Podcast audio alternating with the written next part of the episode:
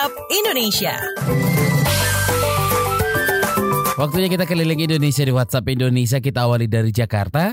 Rumput laut jadi komoditi menjanjikan. Kita akan dengarkan laporan selengkapnya disampaikan oleh reporter KBR ada Valda Kustarini, selamat pagi. Selamat pagi. Rumput laut menjadi salah satu komoditi yang masih belum populer di Indonesia. Kebanyakan masyarakat masih menganggap olahan rumput laut hanya sebatas makanan. Namun, salah satu profesor dari Institut Pertanian Bogor, Linawati Harjito, melihat peluang lain. Melalui produk Fresh Ocean, ia memberdayakan petani rumput laut dan mengolah rumput laut menjadi produk skincare. Saat ini, ia sudah memberdayakan ratusan petani rumput laut di wilayah Sulawesi hingga Maluku. Sayangnya, saat ini masih ada produsen kosmetik yang mengimpor bahan baku rumput laut. Padahal, petani rumput laut di Indonesia masih perlu mendapat perhatian. Karenanya, Linawati mendukung pemerintah untuk meningkatkan kesejahteraan masyarakat Indonesia dengan program kolaborasi masyarakat dan pelayanan untuk kesejahteraan atau kompak. Pemerintah bersama BUMDes, Dinas Kelautan dan Perikanan, dan dinas terkait mendorong terciptanya harga jual rumput laut yang kompetitif dan stabil. Demikian saya Valda Kustarini melaporkan.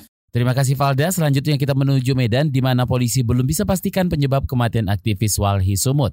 Kita simak laporan kontributor KBR Anugrah Andrian Syah berikut ini. Selamat pagi, kasus kematian Golfrid Siregar, aktivis lingkungan sekaligus kuasa hukum Wali Sumatera Utara masih menimbulkan tanda tanya. Kapolda Sumatera Utara, Agus Andrianto mengatakan pihaknya belum bisa memastikan penyebab kematian Golfrid kendati telah dilakukan otopsi. Kata Agus, kepolisian juga telah memeriksa beberapa saksi termasuk orang yang sempat bertemu Golfrid sebelum kejadian. Namun, Agus enggan menyebut berapa orang saksi yang telah diperiksa. Sejauh ini, kepolisian juga belum melakukan rekonstruksi atas kematian Golfrid, karena saat ini polisi masih menunggu hasil visum terkait apa penyebab kematian Golfrid. Apakah karena kecelakaan lalu lintas atau karena ada tindak pidana lain yang masih menjadi misteri? Demikian saya Anugrah Andriansyah dari Medan melaporkan untuk KBR. Terima kasih Anugrah Andriansyah. Terakhir kita ke Semarang, jadwal tanam padi Jateng mundur.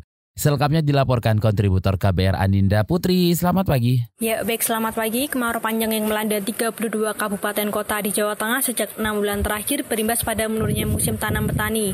Kepala Bidang Penyuluhan Pasca Panen dan Bina Usaha Dinas Pertanian Jawa Tengah Farid Mufti mengungkapkan, jadwal tanam petani di Jawa Tengah akan mundur satu bulan lantaran tidak tersedianya kebutuhan air irigasi. Farid menuturkan, mundurnya jadwal tanam padi oleh petani di Jawa Tengah tidak akan mengakibatkan terganggunya produksi beras tahun 2020 mendatang datang, serta harga beras akan anjlok. Menurutnya, berdasarkan informasi dari BMKG, akhir Oktober beberapa wilayah di Jawa Tengah akan turun hujan. Demikian saya Anindya Putri melaporkan untuk KBR dari Semarang. Terima kasih Aninda.